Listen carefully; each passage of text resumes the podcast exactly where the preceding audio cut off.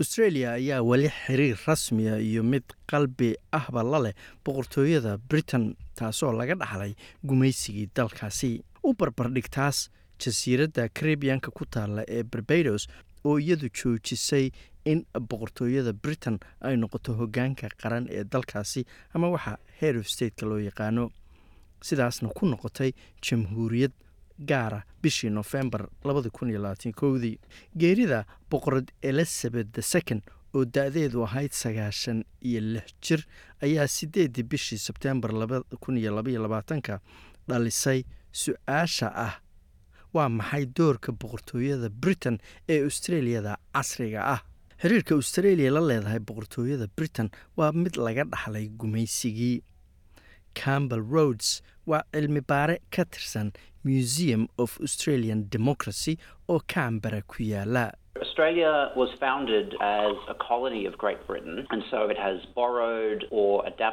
Australia waxaa lagu aasaasay gumaysigii great britain. marka waxaa laga soo qaatay dhaqamo badan dalka britain oo ay ku jirto nidaamka dowladnimo. Waxaa kaloo ka mid ah boqortooyada marka boqorka ama boqoradda u k waa madaxa qaran ama head of stateka australia. Elizabeth alexandra mary windsor waxay ahayd boqoradda u k iyo afar iyo toban dal oo ka tirsan barwaaqa sooranka oo xukunkeeda hoos imanayay wixii ka dambeeyey markay xilkan la wareegtay febraayo kun iyo sagaal boqol iyo konton iyo labadii elizabeth the second ayaa noqotay qofkii ugu wakhti dheeraa ee taariikhda boqortooyada britain xilkaasi hayay. Marka ay geeriyootayna wiilkeeda charles ayaa noqonaya boqorka wuxuuna xukunkiisa la wareegay isagoo noqonaya king charleskii saddexaad. Dhammaan dalalka barwaaqa sooranku waa waddamo xora oo leh shuruucdooda u gaarka iyo dowladahooda qaabdhismeedka dowladdeenna iyo awoodda waxaa lagu xusay dastuurka australia sida ay sharaxayso sandy bier oo ah agaasimaha qaran ee australian republic movement oo ah dhaqdhaqaaqudooda in australia ay noqoto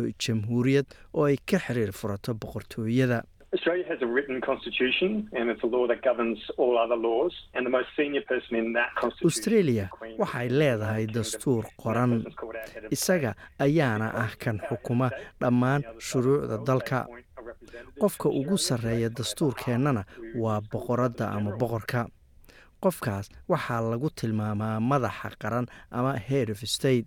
Marka maadaama madaxii qaran uu ku nool yahay dhanka kale ee dunida waxay u wakiishaan oo u matala australia.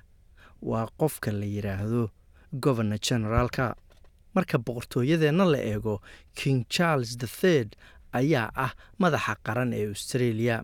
Sidaas darteedna waxaa lagu tilmaamaa dal dastuuriyan boqortooye ah sida ay sheegtay judith breth oo ah brofesoorad culunta siyaasadda ka dhigta jaamacadda la trobe.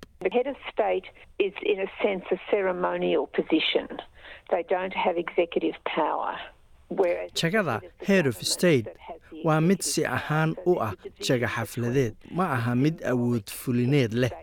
halka qofka dowladda hogaamiye uu leeyahay awoodda fulineed. marka farqi ayaa u dhexeeya madaxa qaran ama head of stateka oo astaan uun ah oo u taagan midnimada dalka iyo madaxa dowladda oo iyadu ah jago loo tartamo. Boqorka waxaa australia ku matala governor generaalka oo cambara fadhigiisu yahay iyo gobonaro kala duwan oo caasimadaha gobollada dalka fadhiya. Boqortooyadu si toosa uguma lug lahaa shaqada dowladda ee australia. Saameyn toos ahna kuma laha bulshaweynta australia dhaqaalaha dalka iyo dowladdaba sida uu sheegay campbell roads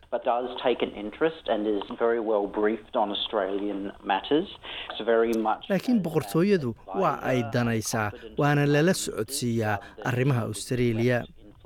Waayahan dambe waxay u dhaqantaa waa boqoradde sidii qof la taliyo oo kale ah oo ra'iisul wasaaraha kalsooni siisa ee ma aha qof saamayn toosa leh governor generaalka waxaa magacaaba boqoradda ama boqorka oo la tashanaysa dowladda australia wuxuuna u shaqeeyaa sidii qof boqoradda u matala australia.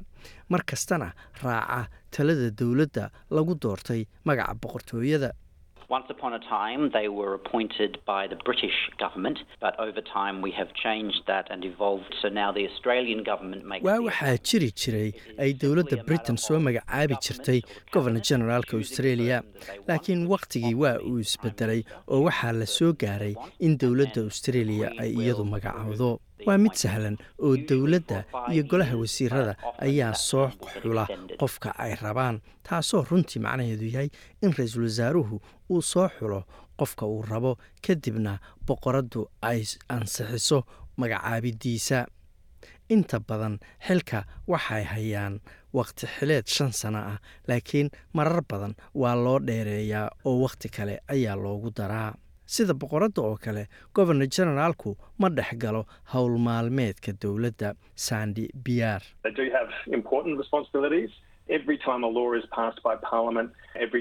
laakiin mas'uuliyad muhiim ah ayay hayaan. Mar kasta oo baarlamaanku sharci ansixiyo mar kasta oo doorasho aynu aadno waxaa loo baahan yahay in wakiilka boqoraddu uu ansixiyo sharcigii la ansixiyey kun sagaal boqol sideetan iyo lixdii ayaa gooyey dhammaan xiriirkii rasmiga ahaa ee u dhexeeyey britain iyo dowladda australia marka laga reebo xiriirka boqortooyada. Intii ay boqoradda elizabeth second xilka haysay dalal ay britain gumaysan jirtay ayaa xorriyaddoodii dib u helay waxayna xiriirka u jareen boqortooyada. Dalkii ugu dambeeyey ee sidaas yeela waa barbados oo siddeed iyo tobankii bishii noofembar ee sannadkii la soo dhaafay noqday dal jamhuuriyad ah. Hadda waxaa dalladda dalalka barwaaqa sooranka ku haray oo keliya shan iyo toban dal. Dad badan ayaa dareemaya in australia laftigeedu haddaba ay ka muuqato dabeecad dal jamhuuriyad oo kala ah sandi biar oo ka tirsan australian republic movement. The Australian Republic movement believes that instead of having the King or Queen of the United Kingdom as the head of our country, that we should have an australian republic movement oo ah urur u dhaqdhaqaaqa una ololeeya in australia ay ka goosato boqortooyada. Wuxuu aaminsan yahay in intii aan yeelan lahayn boqor ama boqorad ah madax qaran ee australia aan beddelkeeda yeelanno qof australiyaana oo shacabka australia ay soo doorteen. Waxaana qabaa inay macno samaynayso in dhammaan go'aanada dal xora oo keenoo kala ah si dimuqraadiyad ah markaasi loo sameeyo. Dadka wakiilada naga ahna ay danaha australia mudnaanta koowaad siiyaan. Sidoo kale markii ugu horreysay taariikhda australia ayay dowladda hadda talada haysa ee leybarku waxa ay magacowday matt tisilweith inuu noqdo kaaliyaha wasiirka arrimaha jamhuuriyadda ama republikaanka.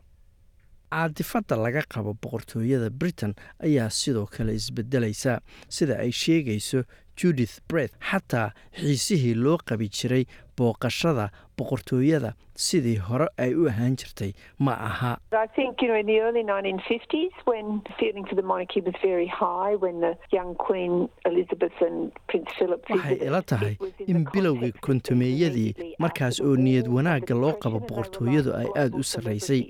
markaas oo boqoradda oo dhallinyaro ah iyo saygeeda prince philip australia soo booqdeen waxaana laga eegi karaa wakhtigaas wuxuu ahaa wax yar kadib dagaalkii labaad ee adduunka iyo dhaqaale xumadii sodomeeyadii adduunka oo dhanna caan ayay boqortooyadu ka ahayd.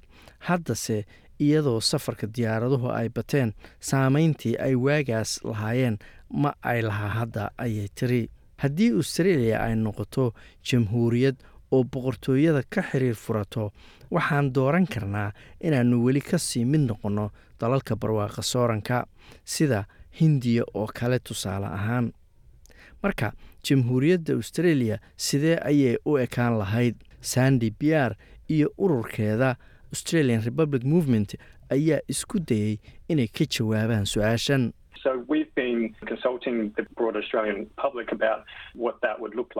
marka waxaanu kala tashanay arrintaasi qaybo badan oo bulshada australia ah sida ay u ekaan lahayd jamhuuriyadda australia waxaana ku dhawaaqi doonaa ayay tidhi jawaabta bilaha soo socdaa